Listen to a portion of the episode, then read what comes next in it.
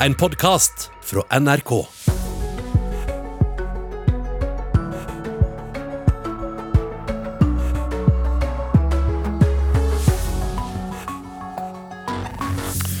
Ny dag. Tirsdag denne gangen, og vi i Nyhetsmorgen har en rekke ting på hjertet frem til klokken ni. Vi skal ganske snart snakke om det du hørte nettopp i Dagsnytt, uigurene som nå ber Norge utnytte sin plass i FNs sikkerhetsråd for å presse Kina i menneskerettighetsspørsmål. To statsministerkandidater på rød-grønn side, det gjør det lettere i valgkampen for Høyre. Det mener Høyre selv, i hvert fall. Og av en eller annen årsak, mange kvinner får diagnosen ADHD når de er voksne. Hvorfor? Det skal vi prøve å finne svar på. Dessuten skal vi til den politiske dramatikken i Sverige. Der må de nå få seg en ny regjering. Men eh, klarer de det uten å gå til eh, nyvalg? Nyhetsmorgen får du i dag med Birger Kåss Ryåsund i studio. Norge bør bidra til at menneskerettighetssituasjonen i Kina blir tema i FNs sikkerhetsråd. Det sier den norske uigur-komiteen. Kina er beskyldt for å stå bak grove brudd på uigurfolkets eh, menneskerettigheter. Norske uigurer mener derfor at Norge bør bruke stemmen sin i FNs viktigste organ til å få diskutert det som skjer i Xinjiang i Kina, et område uigurene kaller for eh, Øst-Turmestan viktig at uh, våre saker blir fremmet i Sikkerhetsrådet nå, for uh, Norge er jo uh, medlem der for to år. Det sier Muetter Ilikud, som er kommunikasjonsansvarlig i den norske uigurkomité. De mener det er på tide at Norge blir tydeligere i møte med Kina.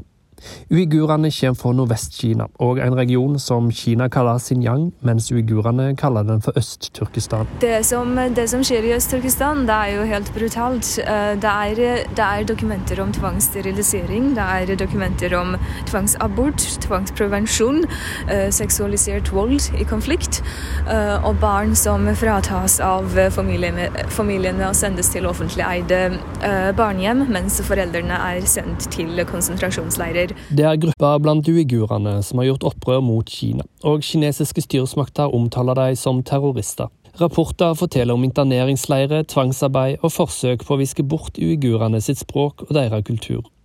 Kina mener rapportene er usanne, men verken journalister eller menneskerettsobservatører får slippe inn i regionen.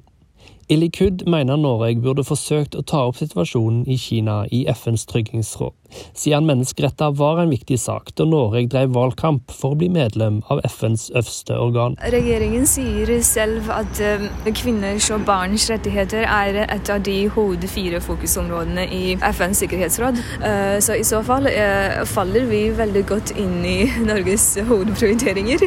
NRK har bare fått skriftlige svar fra Utenriksdepartementet. Der skriver kommunikasjonsavdelingen på vegne av statssekretær Audun Halvorsen at det er krevende å ta opp menneskerettssituasjonen i Kina i Tryggingsrådet, fordi Kina er ei vetomakt. Dermed kan de stanse alle saker de ikke ønsker å diskutere. Om Norge likevel har gjort et forsøk på å ta et slikt initiativ, skriver UD ikke noe om. De viser derimot til at Norge har kritisert situasjonen i Kina i FNs menneskerettsråd, senest i forrige uke sammen med 39 andre land. Jeg håper det gjøres ganske mye i bakgrunnen. Adilyan Abdurihim er sekretær i Den norske uigurkomité, og selv om han forstår at det er vanskelig for Norge å stå opp mot Kina, så frykter han for de langvarige konsekvensene om Norge og andre land ikke endrer taktikk i møte med stormakten Kina. Og Det som jeg frykter, er at uh, uigurene må leve eget liv med den uh, psykiske belastningen.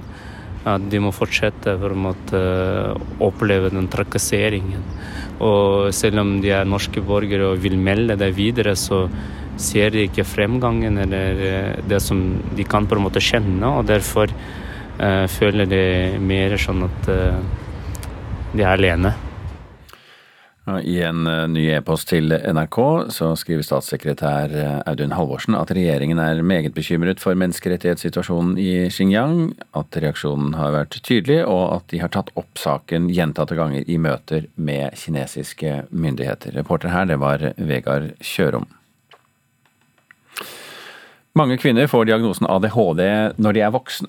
Det bekrefter Folkehelseinstituttet.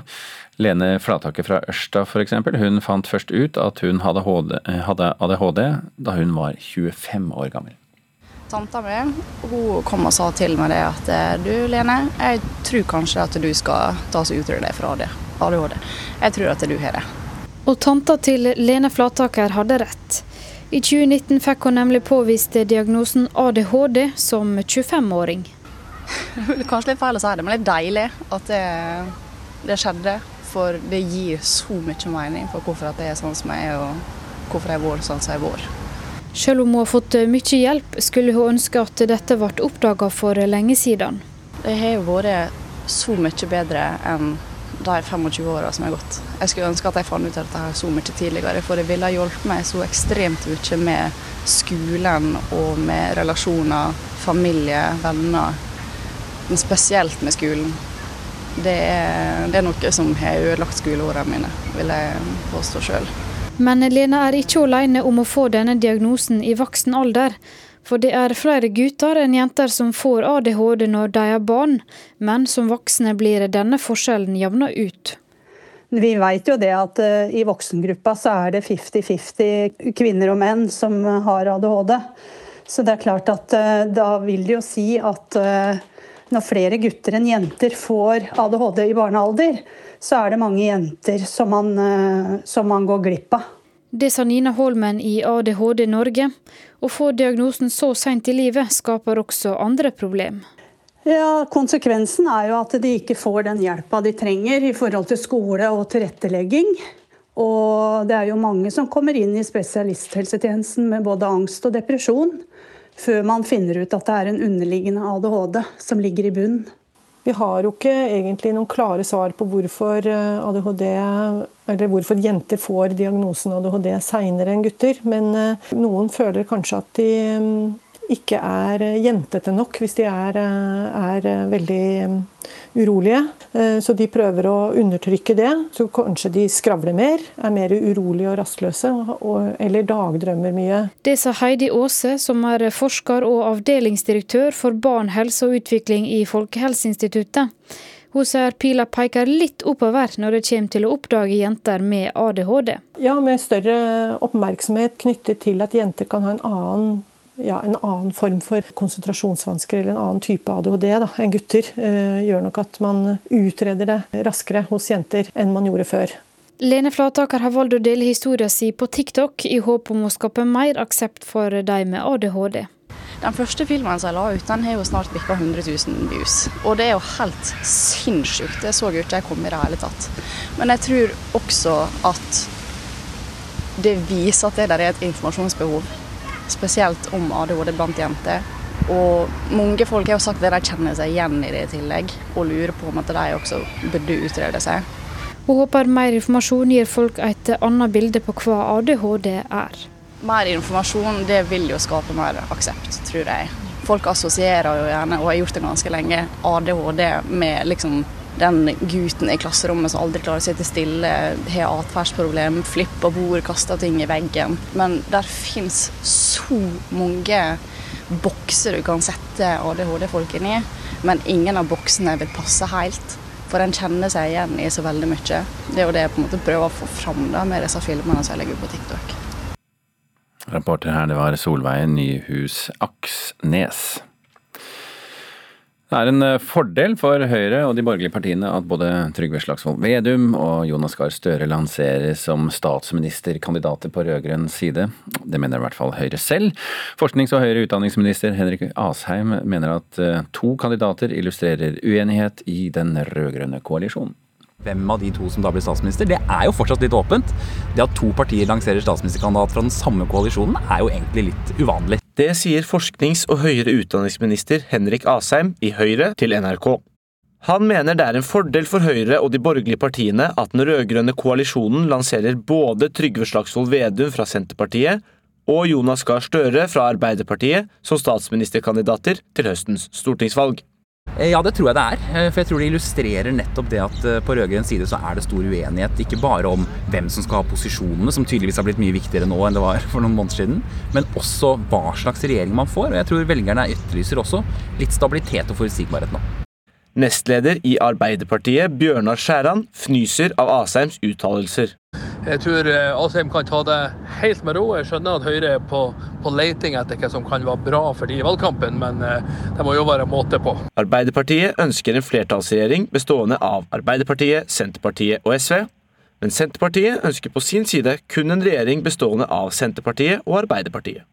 Til tross for de ulike synene på hvordan regjeringen bør dannes dersom det blir rød-grønn valgseier, avviser Skjæran intern rød-grønn uenighet. Det er jo ikke rart at Høyre er på jakt etter noe som kan være en fordel for de i valgkampen etter, etter åtte år der de har, har drevet og bytta ut regjeringspartiene eh, liksom oftere og oftere. Men vi har en veldig klar plan, eh, og det er flertallsregjering med Arbeiderpartiet, Senterpartiet og SV, og vi ser at målingene viser at det er fullt mulig å nå.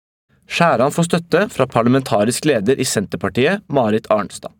Arnstad mener at Asheim tar feil når han sier det er uvanlig med flere statsministerkandidater fra samme koalisjon. Det er jo ikke sant at det er uvanlig å stille flere statsministerkandidater innenfor samme koalisjon. I 2009 og 2013 så var både Siv Jensen og Erna Solberg statsministerkandidater for sine parti. Hvem som faktisk ender opp med å bli statsminister til slutt, er Asheim usikker på. Jeg tror det ærlige svaret at det er helt åpent. Eh, altså klart Jeg håper jo at Erna Solberg skal vinne. Akkurat nå så viser målingene at det er flertall for et annen koalisjon. Reporter her, det var Eirik Hegdal Evensen.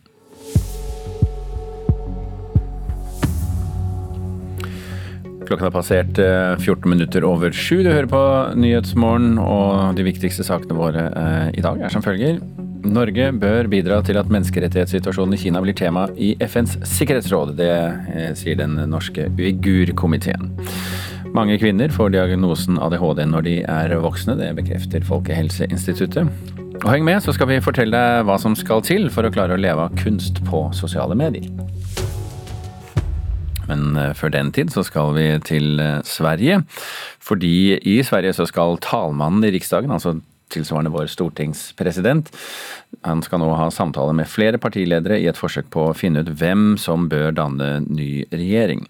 I går sa Sveriges statsminister Stefan Löfven at han går av, og opposisjonsleder Ulf Kristersson har gjort det klart at han vil danne en ny regjering hvis det er grunnlag for det. Også hvis det betyr at han da må ha støtte fra innvandringskritiske partiet Sverigedemokraterna. En viktig lærdom er at det går ikke å regjere et land om man ikke er beredt å prate med alle som er valgt til, til parlamentet. Det går helt enkelt ikke. Og vi har hatt mange konstige overenskommelser som ikke har holdt i svensk politikk. Nå må man kunne samarbeide med alle om man skal få noe gjort. Kommentator Magnus Takvam, god morgen. God morgen. Hvor sannsynlig er det at Ulf Kristersson klarer å samle nok støtte til å kunne danne en regjering? Ser vi på matematikken, så mangler Kristerssons eh, si, allianse ett mandat i Riksdagen for å ha det tilstrekkelige antall til å, til å bli godtatt som regjering. Eh, men eh, i denne verden kan man ikke utelukke noen ting, og det er også en del eh, potensielle utbrytere fra de ulike gruppene som gjør det hele litt usikkert. Men det skal tross alt en del til for at han blir statsminister gjennom denne, disse rundene. Mm, og hvilke sjanser har Stefan Löfven på den andre siden, da? Det regnes nok av de fleste som tross alt det mest sannsynlige scenarioet, at eh, Löfven kommer tilbake eh, som statsminister. Eh, men det skal gjøres da en ganske tøff intern jobb i hans gruppe eh, for at det skal gå, gå slik. Så hva er alternativene? Det er jo de to vi allerede har, har nevnt eh, som er de mest sannsynlige. Så blir det av eh, enkelte trukket fram som en slags nødløsning en nærmest nøytral regjering som skulle kunne regjere fram til det ordinære valget i september neste år, for liksom å ha borgfred som ikke fremmer kontroversielle forslag osv. Men det føler jeg høres nokså urealistisk ut. Et slags forretningsministerium, nærmest? Ja, det er en eh, professor i statsvitenskap i Sverige som har lansert den. og det, det viser jo egentlig bare hvor komplisert situasjonen er, når, når man tyr til den typen eh, liksom, nødløsninger, føler jeg. Men som sagt, Løvens eh, eh, regjeringsallianse er, er eh, den de fleste tipper, og, og da er det altså en låsning internt i denne gruppen mellom Venstrepartiet og Senterpartiet som er knuten.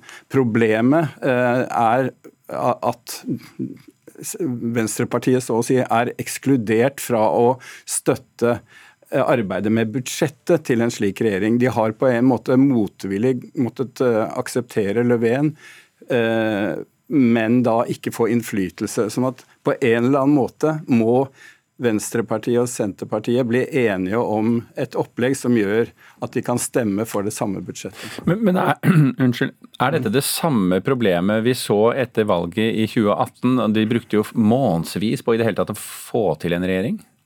Ja, Det er jo den samme riksdagen og dermed de samme låsningene det som gjør det ytterligere vanskelig nå, er at eh, et av eh, eh, Løvens støttepartier som, fra den første regjeringen hans, liberalene, har hoppet over til den siden som godtar støtte fra Sverigedemokraterna, altså Ulf Kristersson. Sånn at Löfven har mistet ett parti, og har da i øyeblikket bare e-, ett mandat mer enn den andre siden.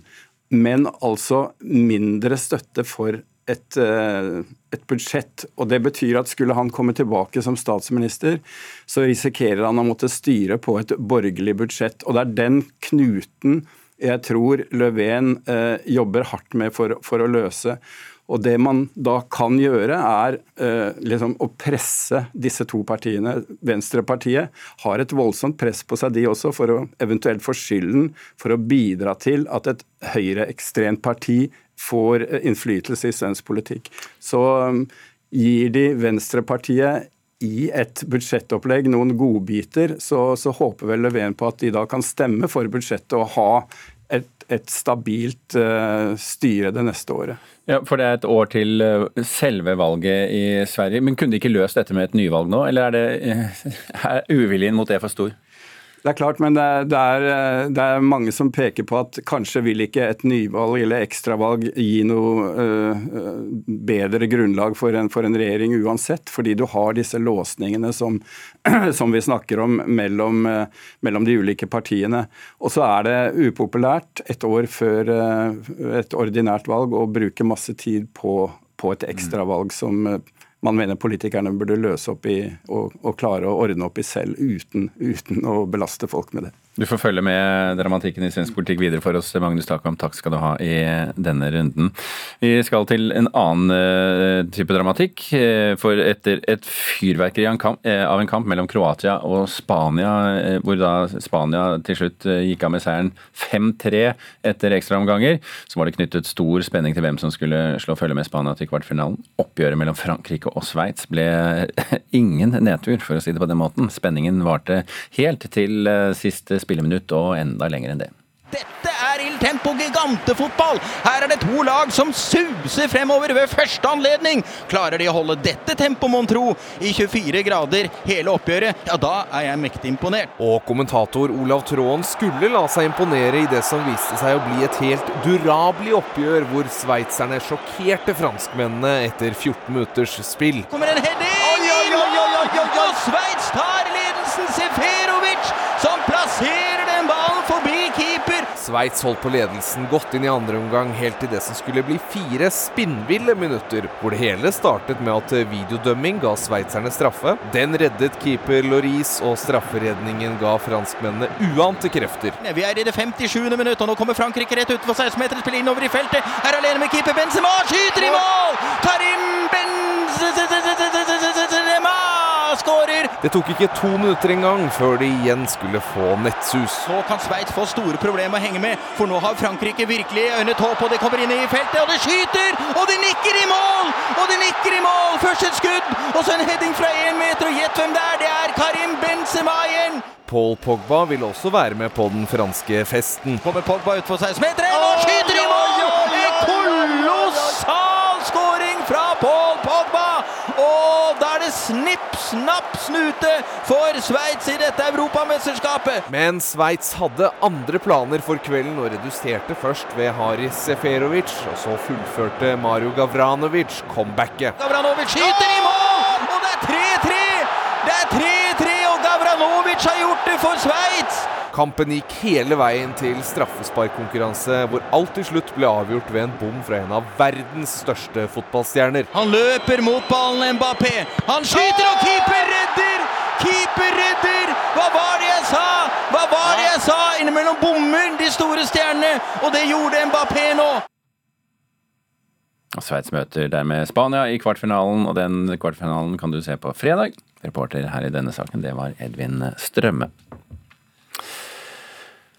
Det kan bli langt dyrere å leie bolig for folk som jobber i eh, Forsvaret. I dag møtes eh, nemlig ledelsen eh, i Forsvaret med arbeidstakerorganisasjonene for å drøfte justeringer i husleiemodellen, som det heter. Ansatte i Forsvaret er dermed bekymret for konsekvensene. En av dem er grenader Ida Hallen, som for tiden bor på Setermoen. Både de blokkene her og de blokkene her, de er de er litt av det gamleste laget, men eh, det er stort sett sånn forsvarsboliger er. Ida Hallen er grenader i Forsvaret og holder til på Setermoen. Der leier hun bolig av Forsvaret. Men nå kan det bli dyrere for både Ida og andre ansatte i Forsvaret å leie bolig. Eh, jeg har endelig klart å få bolig etter eh, to år, og jeg eh, blir mest sannsynlig å betale rundt litt over 2000 med strøm. Men hvis det plutselig blir opptil 8000, så blir det veldig vanskelig å få betalt alt av utgifter og sånne ting. Forsvaret skal i dag ha et møte med arbeidstakerorganisasjonene. Der skal de bl.a. drøfte justeringer på husleieprisene i Forsvaret. Blir forslaget en realitet, vil det bety nær ei tredobling i husleieprisene for ansatte, sånn som Ida Hallen. Jeg fikk eh, høre noe nylig, og det syns jeg er utrolig dumt. For eh, nå har jeg akkurat vært så heldig å få, og da få vite at vi kanskje må betale mye av lønna til det. Det blir nesten litt attraktivt å flytte tilbake til eh, kvarter. Og i tillegg så mye av de boligene og kvarterene som er i Forsvaret, har veldig dårlig standard. Det er mye gammelt. Forslaget møter også motbør hos hovedtillitsvalgt i Norges offisers- og spesialistforbund, NOF, Pål Nygård. Husleieøkning er det minste vi trenger nå eh, når det gjelder det å beholde eh, personell i Forsvaret. Usikkerhet rundt det vil være direkte skadelig for eh, at vi skal kunne ha økt ståtid på personellet vårt. Nygård forklarer at Forsvaret opererer med et beordringssystem, noe som kan gi store utslag i husleiepris for de som blir sendt til ulike deler av landet.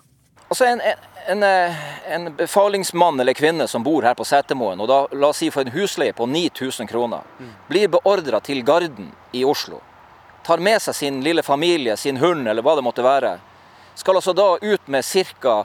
18 000 kroner for en, en, en leilighet på 100 kvadrat. Hvordan skal man kunne planlegge fremtida på et sånt, sånt grunnlag? Hvis Forsvaret velger å iverksette forslaget som nå ligger inne til drøfting, så tror grenader Ida Hallen at det vil kunne få konsekvenser for andre som ser for seg en karriere i Forsvaret. Som oftest når folk begynner å jobbe i Forsvaret, så sier de ett år til, ett år til. Men så ender de opp med å trives da, og jobbe her, fordi det er sånn ålreite vilkår. da. Men hvis det da skal økes opp, så vet jeg at det er mange som meg som ikke har så lyst til å fortsette, hvis det skal være sånn. For da blir det sikkert veldig mange å velge sånne små hybler, sånne pendlerhybler. Og de går jo som oftest til de, de offiserene da, som har jobba en stund. Og vi da som har på grenadersida, vi får ikke akkurat det, det som noe som vi kunne trivdes i da, over lang tid. Så da blir det sånn at blir det en realitet, så må du vurdere på ny en fremtid i Forsvaret? Helt riktig. Mm. Forsvaret skriver i en mail til oss at de jobber med å tilpasse husleiemodellen, men at de ennå ikke har konkludert med hvordan det blir. Reporter i denne saken det var August Hansen og Jørn Inge Johansen. Sosiale medier er en populær måte å vise frem og selge kunsten sin på. Plattformer som Instagram og TikTok florerer av kunst i alle former. Men hvordan er det egentlig å skulle leve av kunst på sosiale medier? Anette Moi er en av mange som har valgt å åpne galleri på Instagram. Man må jo ha talent, det må man jo. Men eh, jeg har jobbet veldig mye med å selge og markedsføre meg sjøl. Hvis ikke så klarer du deg jo ikke. Og jeg kjenner veldig mange som er flinke til å tegne, men som ikke får solgt noe. Så det er en veldig stor del av jobben. Anneli Bull er kjent for sine byillustrasjoner. For henne var det et lett valg å ta i bruk Instagram. Det beste med å bruke Instagram, det er jo den direkte kontakten man har med kundene og følgerne sine. Og man får jo egentlig tilbakemeldinger enten man spør eller ikke. Så eh, jeg syns det er veldig fint med den direkte kontakten. Det er likevel noen utfordringer med å skulle bruke den populære bildedelingsappen. Det er veldig mange som er gode på mye forskjellig, og veldig mange som har lyst til å vise seg frem. Så det er jo kanskje det å klare å skille seg ut, men eh, ja, men fortsatt gjøre det med verdighet og i behold, og gjøre det på en måte som man sjøl føler at det er komfortabelt. Johanna Varberg, som står bak kontoen Sosialantenne, kjenner også på utfordringene appen bringer med seg. Det kan bli litt virkelighetsfjernt for folk. Så er det liksom vanskelig å forstå at det er faktisk lagd av en person, og at det fins på ekte, men folk ikke klarer å tenke at å ja, det fins på ekte, det er ikke noe datamanipulert, liksom. Lea Alstad er blant Norges største Instagram-kunstnere, med sine nærmere 50 000 følgere. Hun bruker Instagram til å gjøre kunst mer tilgjengelig. Kunst er ikke bare for eh, rike folk som har råd og tid til å dra på galleri, men det er egentlig for hele befolkninga som har en telefon. Reporter her, det var jo Jonathan Gåthaug Nilsen. Vi er halvveis i 2021, og med det så trer en rekke nye vedtak i kraft. Fra 1. juli blir det bl.a. billigere brus- og fergeturer. Og som en del av eh, det reviderte nasjonalbudsjettet til regjeringen, så kan man bl.a. nå bruke BSU-pengene sine på oppussing på eh, egen bolig. Klokken nærmer seg 07.30. Det betyr at vi straks skal gi deg Dagsnytt med Anders Borgen Werring i studio. Det er en sending vi sender på alle våre kanaler, NRK P1 og P2 og Alltid nyheter og overalt. Ja, vi sier det sånn.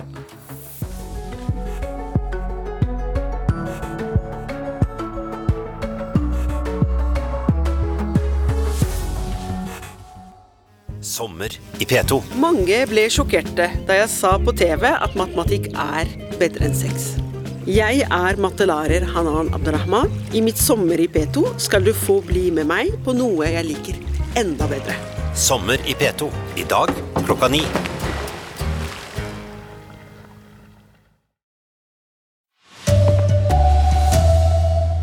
Uigurer ber Norge heve stemmen mot Kina i Sikkerhetsrådet.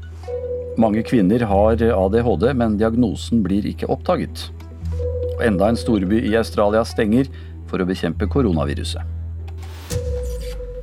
Her er NRK Dagsnytt, klokka er 7.30. Norge bør bidra til at menneskerettighetssituasjonen i Kina blir tema i FNs sikkerhetsråd. Det sier den norske uigurkomiteen.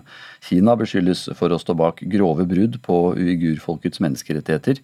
Norsk-uigurer mener Norge bør bruke stemmen sin i FNs viktigste organ til å få diskutert det som skjer i Xinjiang i Kina, et område som uigurene kaller for Øst-Turkestan.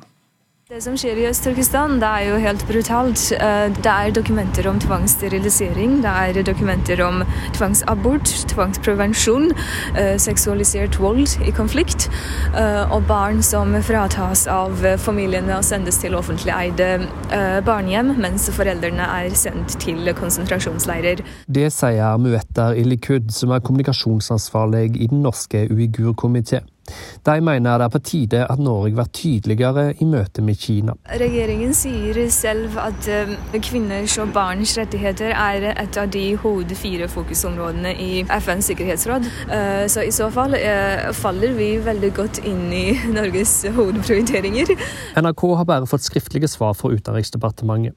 Der skrev kommunikasjonsavdelinga på vegne av statssekretær Audun Halvorsen at det er krevende å ta opp menneskerettssituasjonen i Kina i Tryggingsrådet fordi Kina er ei vetomakt. Dermed kan de stanse alle saker de ikke ønsker å diskutere. Om Norge likevel har gjort et forsøk på å ta et slikt initiativ, skriver UD ikke noe om.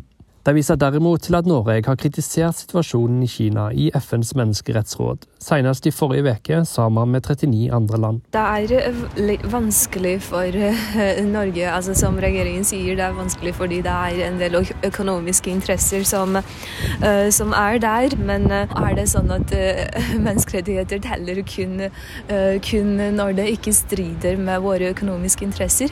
Det er, vi synes det er sånne ting som regjeringen bør, bør ja, tenke seg litt om, da. Og en eh, e-post så skriver eh, statssekretær Audun Halvorsen at regjeringen er meget bekymret for menneskerettighetssituasjonen i Xinjiang. At reaksjonene har vært tydelige, og at de har tatt opp saken gjentatte ganger i møter med kinesiske myndigheter. Reporter her, det var eh, Vegard Kjørom. Så skal vi høre at mange kvinner får diagnosen ADHD først når de er voksne. Lene Flataker fra Ørsta var 25 år da hun fant ut at hun har diagnosen ADHD. Tanta mi hun kom og sa til meg det at du Lene, jeg tror kanskje at du skal ta og utrede deg fra ADHD. Og tanta til Lene Flataker hadde rett.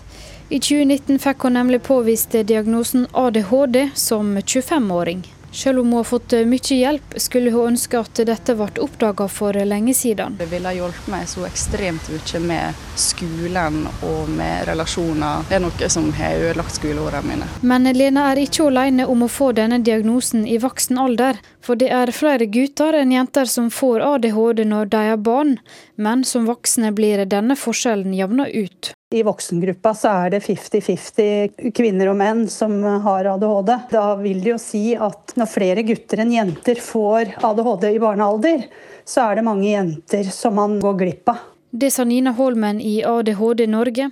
Heidi Aase, som er forsker og avdelingsdirektør for barn, helse og utvikling i Folkehelseinstituttet, ser pila peker litt oppover når det kommer til å oppdage jenter med ADHD. Med større oppmerksomhet knyttet til at jenter kan ha en annen form for konsentrasjonsvansker eller en annen type ADHD da, enn gutter, gjør nok at man utreder det raskere hos jenter enn man gjorde før. Mer informasjon det vil jo skape mer aksept. Folk assosierer jo gjerne ADHD med liksom den gutten i klasserommet som aldri klarer å sitte stille, kaster ting i veggen. Men der fins så mange bokser du kan sette ADHD-folkene i, men ingen av boksene vil passe helt. Reporter her, det var Solveig Nyhus Aksnes. Millionbyen Brisbane stenges ned i tre dager for å bekjempe spredning av koronaviruset. Og dette er den fjerde australske storbyen som stenges ned etter at det er blitt registrert nye smittetilfeller av den såkalte delta-varianten. Reporter eh, Mariann Strand, hvor er det mest smitte? I Sydney og i delstaten New South Wales er det registrert nesten 150 smittetilfeller. og Det er det største smitteutbruddet i Australia for øyeblikket. Det er også registrert tilfeller i byene Brisbane, Darwin og Perth, hvor det også er innført nedstengninger. Og det Tallet høres kanskje ikke så høyt ut, men det er snakk om det er jo som du sa, tilfeller av den såkalte delta-varianten, som først oppsto i India, og som er en svært smittsom variant. Derfor fryktes det at det kan føre til et nasjonalt eh, smitteutbrudd, og derfor har også myndighetene beslutta å innføre, innføre, svært omfattende tiltak som påvirker rundt 80 av, 80 av den eh, australske befolkninga. Nå har eh, Australia blitt trukket fram som en eh, suksesshistorie gjennom eh, pandemien. Hva var det som gikk galt? Det som er spesielt med Australia, er at det er en veldig liten andel av befolkninga som er vaksinert. Mindre enn 5% av den voksne befolkninga er fullvaksinert. Og det er jo også noe regjeringa har fått mye kritikk for. Og Derfor har nå statsminister Scott Morris annonsert at det vil bli påbudt med vaksiner i eldreomsorgen og blant dem som arbeider på karantenehotell. I tillegg så vil AstraZeneca-vaksinen bli tilgjengelig for personer under 60 år. Takk skal du ha, reporter Mariann Strand. Det kan bli nesten tre ganger dyrere for forsvarsansatte her i landet å leie bolig. Forsvaret skal i dag ha et møte med arbeidstakerorganisasjonene for å drøfte forslaget. Grenader i hæren Ida Hallen er tydelig på at forslaget kommer til å få mye å si for framtida hennes og kollegene i Forsvaret. Det er jo det at du må tenke om vi faktisk skal fortsette i Forsvaret. Det blir jo ikke like attraktivt å jobbe her da, hvis eh, det skal bli sånn. Da blir det jo like attraktivt å flytte sørpå når du får en eh, samme pris da i en eh, by der du kan studere eller jobbe sivilt. Brannvesenet har nå kontroll på brannen eh, på Kvitsøy i Rogaland. Minst tre sjøhus er totalskadd og to bolighus har fått mindre skader i den kraftige brannen i natt. Flere båter har også gått tapt, men ingen er savnet eller skadd. Brannvesenet skal drive med nedkjøling på stedet fordi det er gassbeholdere i de brannskadde bygningene. Så norsk politikk, for det er eh, en fordel for Høyre og de borgerlige partiene at både Trygve Slagsvold Vedum og Jonas Gahr Støre lanseres som statsministerkandidater på rød-grønn side. Ja, Det mener eh, forsknings- og høyere utdanningsminister Henrik Asheim i Høyre. Asheim mener at to kandidater illustrerer eh, uenighet i den rød-grønne koalisjonen. Eh, Ja, det tror jeg det er. Eh, For jeg tror det illustrerer nettopp det at eh, på rød-grønn side så er det stor uenighet. Ikke bare om hvem som skal ha posisjonene, som tydeligvis har blitt mye viktigere nå enn det var for noen måneder siden, men også hva slags regjering man får. Og jeg tror velgerne etterlyser også litt stabilitet og forutsigbarhet nå. Det sier forsknings- og høyere utdanningsminister Henrik Asheim. Han mener det er en fordel for Høyre og de borgerlige partiene at den rød-grønne koalisjonen lanserer både Trygve Slagsvold Vedum fra Senterpartiet og Jonas Gahr Støre fra Arbeiderpartiet som statsministerkandidater til høstens stortingsvalg. Nestleder i Arbeiderpartiet, Bjørnar Skjæran, fnyser av Asheims uttalelser. Jeg tror eh, Asheim kan ta det helt med ro. Jeg skjønner at Høyre er på, på leiting etter hva som kan være bra for de i valgkampen, men eh, det må jo være måte på. Skjæran får støtte fra parlamentarisk leder i Senterpartiet, Marit Arnstad. Arnstad mener at Asheim tar feil når han sier det er uvanlig med flere statsministerkandidater fra samme koalisjon. Det er jo ikke sant eh, at det er uvanlig å stille flere statsministerkandidater innenfor samme koalisjon. I 2009 og 2013 så var både Siv Jensen og Erna Solberg statsministerkandidater for sine parti. Hvem som faktisk ender opp med å bli statsminister til slutt, er Asheim usikker på. Jeg tror det ærlige svaret at det er helt åpent. Eh, altså klart Jeg håper jo at Erna Solberg skal vinne. Akkurat nå så viser målingene at det er flertall for et annet koalisjon. Men hvem av de to som da blir statsminister, det er jo fortsatt litt åpent. Ja, Det sa Henrik Asheim, eh, utdanningsminister og Høyre-politiker. Reporter, det var eh, Skal jeg kanskje ta med det også? Det var Eirik Hegdal Evensen. Inntil to millioner kroner i kontanter ble funnet i Mossemarka torsdag forrige uke, og nå er Kripos koblet inn i eh, denne saken. Det skriver VG. Måten eh, pengene er pakket inn på gjør at politiet tror pengene stammer fra kriminell virksomhet. Funnet ble gjort i et tildekket hulrom i nærheten av våpenhula i eh, Mossemarka. Dette er altså den samme grotta som huset utstyr for motstandsbevegelsen Milorg under andre verdenskrig. Elin Pettersen har ansvaret for NRK Dagsnytt i dag. Jeg heter eh, Anders Borgen Werring. Nå fortsetter Nyhetsmorgen i P2 og på NRK1. Og så blir det distriktssendinger eh, i P1.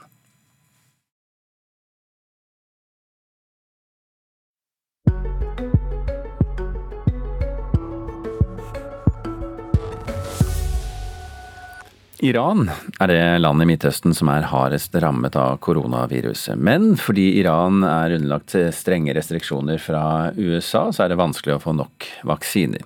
Nå har landet utviklet eh, sin egen vaksine, produsert av firmaet firma Barakat, og fire andre vaksiner er nå på vei, ifølge helseministeren. I et laboratorium fullt av hvitkledte forskere blant reagensglass, kolber og små maskiner møter vi dr. Saed Reza Paksad, også han i hvit frakk. Han jobber i Irans mat- og medisinadministrasjon, etaten som skal godkjenne de iranskproduserte vaksinene. Nå er flere farmasøytiske selskaper i gang med å utvikle hele fem covid-vaksiner i Iran. Blant dem er Razi Vaccine and Serum Institute og Baraket Pharmaceutical Group. For example, the vaccine made by Razi needs uh. Vaksinen fra Razi må tas i tre doser, og vaksinen fra Baraketti to, sier legen som leder kvalitetskontrollen for de nye vaksinene. For Iran trenger sårt mange vaksinedoser. Pga. de strenge amerikanske sanksjonene mot landet er det vanskelig å kjøpe vaksiner utenfra, selv om sanksjonene ikke skal gjelde medisiner. Noen land har solgt vaksinedoser til Den islamske republikken. Andre har kommet via Covex-programmet. Vi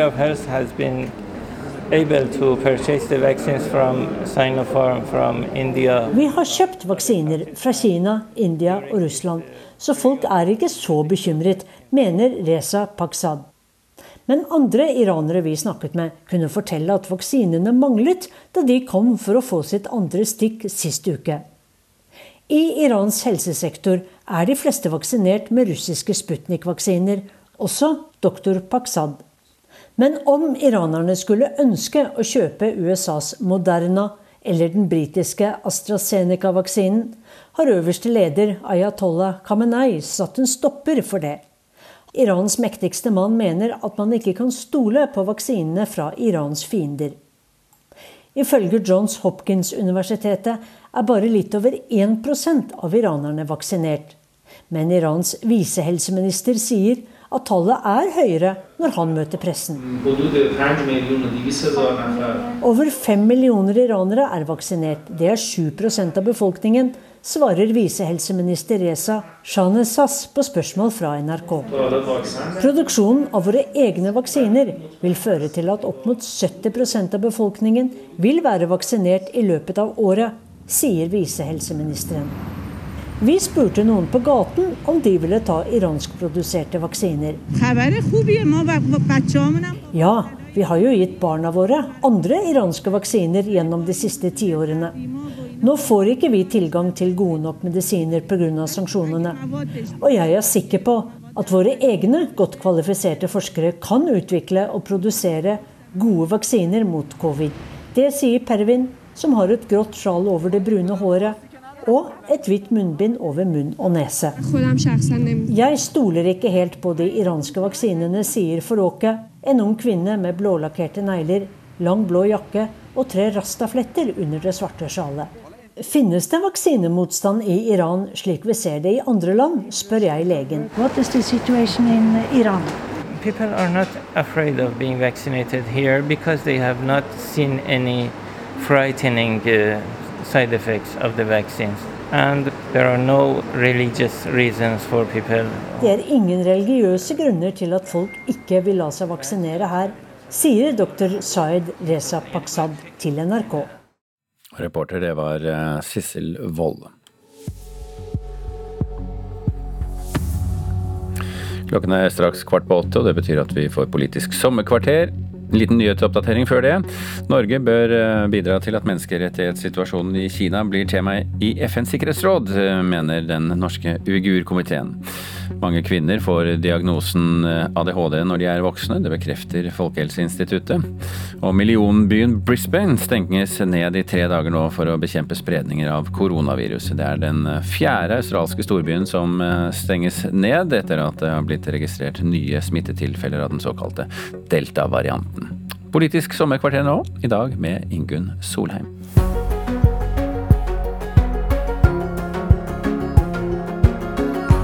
Det kan jeg si som singel at det å være singel i en pandemi, det er ikke ideelt på noen som helst måte. Da blir det mye Netflix. Henrik Asheim, forsknings- og høyere utdanningsminister og stiller til valg for Høyre i Akershus. Hvem er din favorittpolitiker fra et annet parti?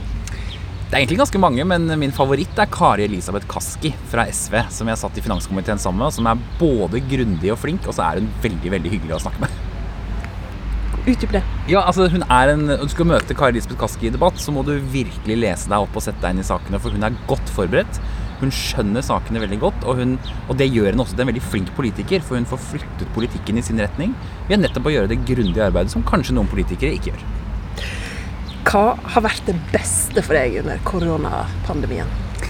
Det beste er kanskje også det verste. Det beste er egentlig at det har blitt litt flere helger hjemme, f.eks. Som politiker så reiser man ofte veldig mye, og det er ikke alt som er like gøy. Så det å få være litt mer hjemme, det er veldig hyggelig. Og så til et eh, stort spørsmål. Har koronatida lært deg noe? Jeg tror det kanskje har lært meg først og fremst at eh, det også at det er viktigere de tingene man tok for gitt før, er viktigere enn man kanskje trodde. F.eks. det å kunne gå og møte noen hvis du vil. Det å kunne gå ut og ta en øl hvis du har lyst. Den friheten der, når den blir borte, så lærer du å sette pris på noen tingene som jeg tror vi alle tok veldig for gitt før 12.3.2020. Så tror du vi blir et bedre samfunn? Det er jeg veldig spent på, men jeg tror egentlig det. Hvis du ser på sånn som her i Oslo, da, hvor det nå har begynt å åpne opp, den gleden hos folk, den vennligheten du ser til hverandre, og det hensynet man fortsatt tar, kan tyde på at vi har lært å sette ekstra pris på hverandre. Du, Vi må snakke litt om den politiske situasjonen, eh, Henrik Asheim. Du som sa det sjøl, du stiller til valg for Akershus Høyre for uh, tredje gang.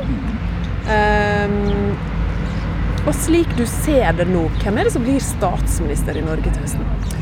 Jeg tror det ærlige svaret at det er helt åpent. Uh, altså klart Jeg håper jo at Erna Solberg skal vinne. Akkurat nå så viser målingene at det er flertall for et annet koalisjon, men hvem av de to som da blir statsminister, det er jo fortsatt litt åpent. Det at to partier lanserer statsministerkandidat fra den samme koalisjonen, er jo egentlig litt uvanlig. Så det blir spennende. En fordel for Høyre at det skjedde? Eh, ja, det tror jeg det er. Eh, for jeg tror det illustrerer nettopp det at eh, på rød-grønn side så er det stor uenighet. Ikke bare om hvem som skal ha posisjonene, som tydeligvis har blitt mye viktigere nå enn det var for noen måneder siden, men også hva slags regjering man får. Og jeg tror velgerne etterlyser også litt stabilitet og forutsigbarhet nå. Betyr det at du ser på Trygve Slagsvold Vedum som en helt seriøs eh, statsministerkandidat? Ja, det gjør jeg. Uh, ikke bare har han blitt lansert uh, av partiet sitt, men det er jo et parti som har en betydelig oppslutning. Og når de lanserer ham, så må det jo tyde på at Senterpartiet mener når de går inn i en forhandling, at han er en bedre kandidat enn Jonas Gahr Støre. Og det betyr at det er ikke avklart. Og du skal drive valgkamp, og du må tro på Erna, som i ditt parti er stjerna. Men hvis Erna Solberg og den partiledelsen som sitter nå, ikke vinner valget til høsten, hva skjer internt i Høyre da? Nei, altså Målet vårt nå er jo selvfølgelig å vinne valget, men også at Høyre blir et stort parti også etter valget, slik at vi har mange flinke mennesker å spille på. Hva som skjer etter det, er jo veldig uklart. Jeg har sett noen som har eh, sagt at Erna Solberg kommer til å sitte for alltid. Eh, det kan godt hende at hun sitter til 2025 også, det er det ingen som vet. Men eh, jeg tror uansett at vi har veldig mange bra kandidater som kan være med på å løfte partiet enten i regjering eller i opposisjon. Men det du sier nå, Erna Solberg sitter så lenge hun vil. Er det så, det som er situasjonen i Høyre? Ja, det er det nok definitivt. Det er ingen som utfordrer Erna Solberg, så det er eh, hennes beslutning når hun ønsker å gå Du, jeg måtte um, snakke litt med eminente politiske kommentator Lars Nehru Sand før dette intervjuet. Og for de som kjenner podkasten 'Sånn er du', så er jo liksom personlighetsanalyse i, veldig populært. Han kan gjøre en politikeranalyse. Og han sier at Henrik Asheim han er ett av to. Han er enten han som står opp hver morgen, ser politiske saker, politiske utspill, kan glede seg til en opposisjonstilværelse, for da er du friere, da kan Høyre være Høyre. Eller han er han politikertypen som eh, egentlig helst vil ha fri. kan jeg være en blanding av de to? Fordi jeg syns det er en veldig morsom jobb jeg har, og jeg, jeg blir oppriktig engasjert av politikk og av å drive med politikk. Men jeg liker også veldig godt å ha fri i helgene og slappe av og sånne ting. Så det er vel egentlig en fin balanse i livet, det å kunne både finne roen når du har tid til det, men også ha det gøy på jobb når du er på jobb. Grunnen til at jeg, sånne som han går og grubler på dette, er jo at jeg grubler også litt på hva er det Henrik Asheim vil framover. Hvor langt vil han eh, ta det? Da bruker politikere alltid å svare at det går ikke an å legge en plan. Um, men hvorfor stiller du deg til valg for fjerde gang? Det er fordi det er veldig gøy å drive med politikk. Eh, og uansett om eh, regjeringen overlever, eller om jeg skal sitte i regjering eller ikke, så er det å sitte på Stortinget noe av det morsomste jeg har fått lov til å gjøre. Det å bli kjent med så mange mennesker, jobbe med politikk fra dag til dag, delta i debatter, sånne ting, det er veldig, veldig gøy. Så jeg hadde veldig lyst og stor motivasjon til å kjøre en ny periode hvis eh, velgerne vil. Men det betyr at du utelukker ikke å bli partileder i Høyre? det er jo veldig dumt å utelukke eh, noe som helst, egentlig. Men eh, nå viste du til denne podkasten 'Sånn er du', og der har jeg fått påvist eh, gjennom en personlighetstest at jeg ikke har ambisjoner. Overhodet. Komisk lavt, sa de faktisk. Og det betyr at jeg drives ikke av den typen diskusjoner. Det jeg drives av, er egentlig å ha en jobb som jeg syns er gøy. Og det har jeg nå, og derfor så håper jeg å få lov å fortsette med det. Du er statsråd for høyere utdanning. Du har eh, da hatt, eh, som vi sier i Norge, det øverste ansvaret for hvordan disse studentene har hatt det gjennom nettopp koronapandemien. Og de har sagt at dette har vært tøft. Så har du jo sagt at det er viktig å ikke sykeliggjøre alt som er eh, menneskelig kjipt. Hva slags eh, budskap er det å komme med til en gjeng som sliter? Nei, Det er å erkjenne på den ene siden at det å f.eks. sitte alene på en studenthybel, slite med å få oversikt over pensum, grue seg til eksamen, alle disse tingene, det har vært mye tøffere nå under pandemien. Og det har vært veldig tøffe hverdager for mange studenter. Men det å samtidig si at det er en psykisk lidelse, det blir feil, mener jeg. fordi tvert imot så er det veldig menneskelig å ha det tøft når du ikke får møte venner. Eh, og dette var jo ikke en ting som bare jeg sa, men også Peder Kjøs, som jo er psykolog, og som gikk gjennom den tilstanden i Norge etter pandemien. Eh, viste nettopp det at det er en stor forskjell på det å ha det tøft i hverdagen, som mange har hatt nå, og det å ha en psykisk lidelse som trenger behandling, f.eks. Men opplever du at studentene har sutra litt, da? Nei, det gjør jeg ikke. På ingen måte. Eh, studentene har vært også ekstremt egentlig forståelsesfulle og tolerante. De har funnet seg veldig mye endrede regler på kort tid. Eh, og så er det sånn at Nå håper vi at dette snart er over, og at det kan bli bedre. Men at dette har vært et tøft år for studentene, det er det ingen tvil om. Hva slags studiestart får de da fra midten av august? Ja, bank i bordet så får de en langt bedre studiestart enn den de hadde i 2020. Eh, og det er fordi nå ser vi at vaksineringen går veldig raskt fremover. Vi har nå sagt til institusjonene og til studentene også at nå må vi åpne mer. Nå må vi satse på fysisk undervisning, deltakelse på campus og alle disse tingene. Så jeg tror studieåret 2021-2022 kommer til å bli et veldig fint studieår. Hvor jeg tror mange kommer til å bli kjent med medstudentene sine som de kanskje egentlig skulle vært kjent med allerede i fjor. Fadderveka Rauk, eh, den må jo være helt i starten, for det poenget er jo å ha det gøy før eh, alvoret begynner, og få nye venner. Blir det normale fadderveker rundt omkring? Ja, det blir nok ikke fullt så normale som vanlig. Det må nok ha noen begrensninger på antall og sånn, men det at man får til sosiale arrangementer, at man forhåpentligvis blir godt kjent, at man til og med kanskje kan drikke en øl eller to på studentpuben med medstudentene sine, det skal være fullt mulig. Og vi kommer også til å forsøke å stille opp så godt vi kan for at fadderukene blir fine. Ikke bare for førsteårsstudentene, men også for andreårsstudentene som begynte høsten 2020, og som nok ikke har blitt kjent med så mange studenter som de burde ha blitt. Hva betyr stille opp så godt vi kan? Nei, Vi har jo uh, bevilget egentlig 1,1 milliarder til studenttiltak, og der ser vi at det er penger igjen. Og Det betyr at Stortinget nå også har sagt at vi skal bevilge 40 millioner kroner til å bistå ute lokalt studentfrivilligheten til å lage ulike arrangementer for studentene gjennom hele høsten egentlig 2021. Så, så det er vel brukte penger at de får litt ekstra armslag på det. Det er sommeren 2021. Det er faktisk så mye som ti år siden angrepet på regjeringskvartalet 22.07. og eh, skytinga på og drapa på Utøya. Den sommeren var du unge Høyre-leder, og det skulle vel ha sommerleir øh, også sjøl. Hvor var du den dagen? Jeg var faktisk eh, hjemme. Jeg hadde vært på jobb, og så var jeg hjemme. Vi skulle dra på hytta, han som jeg var samboer med da, og meg, den kvelden. Eh, og da eh, var jeg fortsatt hjemme og pakket da disse nyhetene begynte å komme. Og etter det så ble det jo bare verdens mørkeste dag, egentlig, altså. Og som leder for Unge Høyre så hadde du både ansvar for en del ungdommer, og du var nært AUF-ledelsen. Dere kjenner hverandre godt, mm. også i ungdomspolitikken. Nå, ti år seinere, så hører vi AUF-ere, både som overlevde og var der den gangen, men også den nye ledelsen, kreve et oppgjør, et mer politisk oppgjør. Og så har mange sagt at de ikke skjønner hva det oppgjøret er. Har du skjønt det? Jeg har måttet stille det spørsmålet ganske mange ganger, eh, men jeg tror jeg har skjønt det. Det er to ting. Det ene er å erkjenne at dette også var et politisk motivert angrep. Det var et angrep på demokratiet vårt ved at regjeringskvartalet ble angrepet. Men det var ikke en tilfeldig sommerleir som ble angrepet, det var AUF sin sommerleir som ble angrepet. Så det å erkjenne det eh, og diskutere ut ifra det, det er viktig. Og det andre er nettopp det som AUF etterlyser, egentlig diskusjon. Det må være lov å diskutere, være uenig også med AUF i hvordan vi skal ta dette videre. Men, eh, men det er klart, det er nok noe vi har snakket altfor lite om også på min side av politikken. Ja, Så kom det en analyse at de fleste i Norge var enige om at det var demokratiet som ble angrepet. Da er det lett å tenke at det demokratiet overlevde. Mm. Vi klarte det. Og så sier AUF-erne nei, det var et angrep på, på oss, eh, på vår side av politikken. Og så kom analysen at det og, og, og, og det den, det, der vokser et sinne, mm. som igjen gjør at et sinne på den ytre høyresida mm. vokser fram. Og så ble plutselig oppgaven utdelt til Høyre fra en akademiker Anders Skipskås at det Høyre er partiet som kan gjøre noe med dette og hindre dette i å bli en for stor konflikt. Mm. Eh, hva tenker du om den eh, oppgaven? Det er en oppgave som vi skal være med på å ta. Eh, jeg tror ikke Høyre som parti alene skal gjøre det, men vi skal absolutt være med på det. For det som veldig var Djupskås poeng, er jo at på den ene siden så var det et angrep på demokratiet, og mange Høyre-folk mener at det var det. Og jeg tror vi alle som ikke har en bakgrunn fra Arbeiderpartiet, opplevet og også angrepet på en måte den dagen. Samtidig så er det klart at da er det også mulig for Høyre å ta en diskusjon om nettopp det politiske motivet bak. Eh, det betyr ikke at ikke man skal kunne stå på høyresida og føles altså medfølelse, men også følelse av angrepet selv.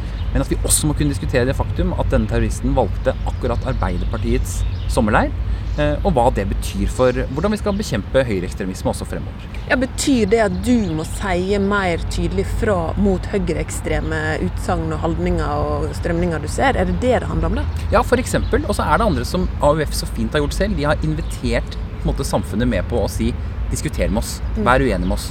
Veldig ofte så blir man litt redd for å ta den diskusjonen med AUF, fordi AUF var jo så åpenbart kanskje det aller fremste offeret som organisasjon på en dag som det. Eh, og da tenker man litt at Det dere føler, skal dere få føle. Jeg skal ikke gå i noen diskusjon om det. Men det de egentlig vil, er at vi skal kunne diskutere det. Og det er en ball som jeg syns både vi og hele samfunnet bør ta. Og um, både du og jeg og mange av oss husker 22.07.2011 som om det var i går. Det er ikke vanskelig å få frem minnene fra den dagen, de vonde, og også tida etterpå, som var sin, på mange måter ganske fin. Mm.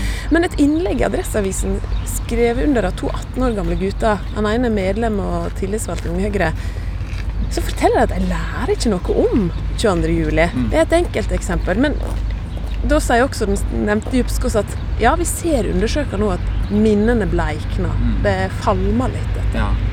Ja, og det, nå står det jo faktisk i læreplanen at man skal lære om 22.07. Men like fullt så kan det godt hende at også en del lærere syns det er vanskelig. Eh, Norge er ikke et stort land. Det betyr at veldig mange mennesker ble berørt også direkte eller indirekte gjennom mennesker de kjente av en dag som det. Eh, og det at, gjør nok kanskje at det er vanskelig å snakke om den hendelsen. Vi kan snakke om ekstremisme og rasisme og alle disse tingene. Men den hendelsen føler jeg kanskje at vi snakker litt annerledes om. Og så er det viktig å huske på at Arbeiderpartiet selv definerte jo mye av historien de første dagene eh, ved å si nettopp at det var et angrep på oss alle. Eh, så etter hvert nå så har jo tiden gått, og da må vi også kunne diskutere det politiske som var bak. Selv om Arbeiderpartiet vil jeg si, inkluderte oss på en veldig raus måte, det norske folk, i den sorgen de selv sto i. Så det skrives et nytt kapittel i historien om 22. juli disse dagene her nå, denne sommeren 2021, kanskje? Ja, det, og det syns jeg egentlig allerede er i gang. Altså, jeg har sett at eh, Geir Lippestad, som var forsvarer for terroristen, har skrevet en kronikk om dette. Eh, flere og flere stemmer kommer nå opp og, og mener ulike ting. Og det tror jeg egentlig er det AUF-erne har ønsket seg, og det skal vi jammen meg møte dem på. Du, du har sagt at du ønsker deg mam og barn. Og før ferien så ga du et intervju til Dagbladet som du kaller en kontaktannonse. Er, er dette intervjuet også en kontaktannonse? Ja, jeg liker turer i skog og fjell. Eh, jeg liker å lage mat. Og nei, nei, ikke det. Det er ikke det. det eh, men, men, for all del, ringer det en hyggelig mann, så skal jeg ta telefonen. Ja. Men eh, det blir en sommer med litt mer tid til flørt? Det gjør det sikkert, fordi det blir jo litt lettere å flørte nå. Det kan jeg si som singel, at det å være singel i en pandemi, det er ikke ideelt på noen som helst måte. Da blir det mye Netflix. Singel og vaksinert. Nettopp. Så da får vi eh, ønske sommeren velkommen. Hvis det blir sol nå, så er alt til rette for både mann og barn innen uh, jul. Tusen takk skal du ha, Henrik Asheim, og god sommer til deg. I like måte, god sommer. Du har hørt en podkast fra NRK. Hør flere podkaster og din favorittkanal i appen NRK Radio.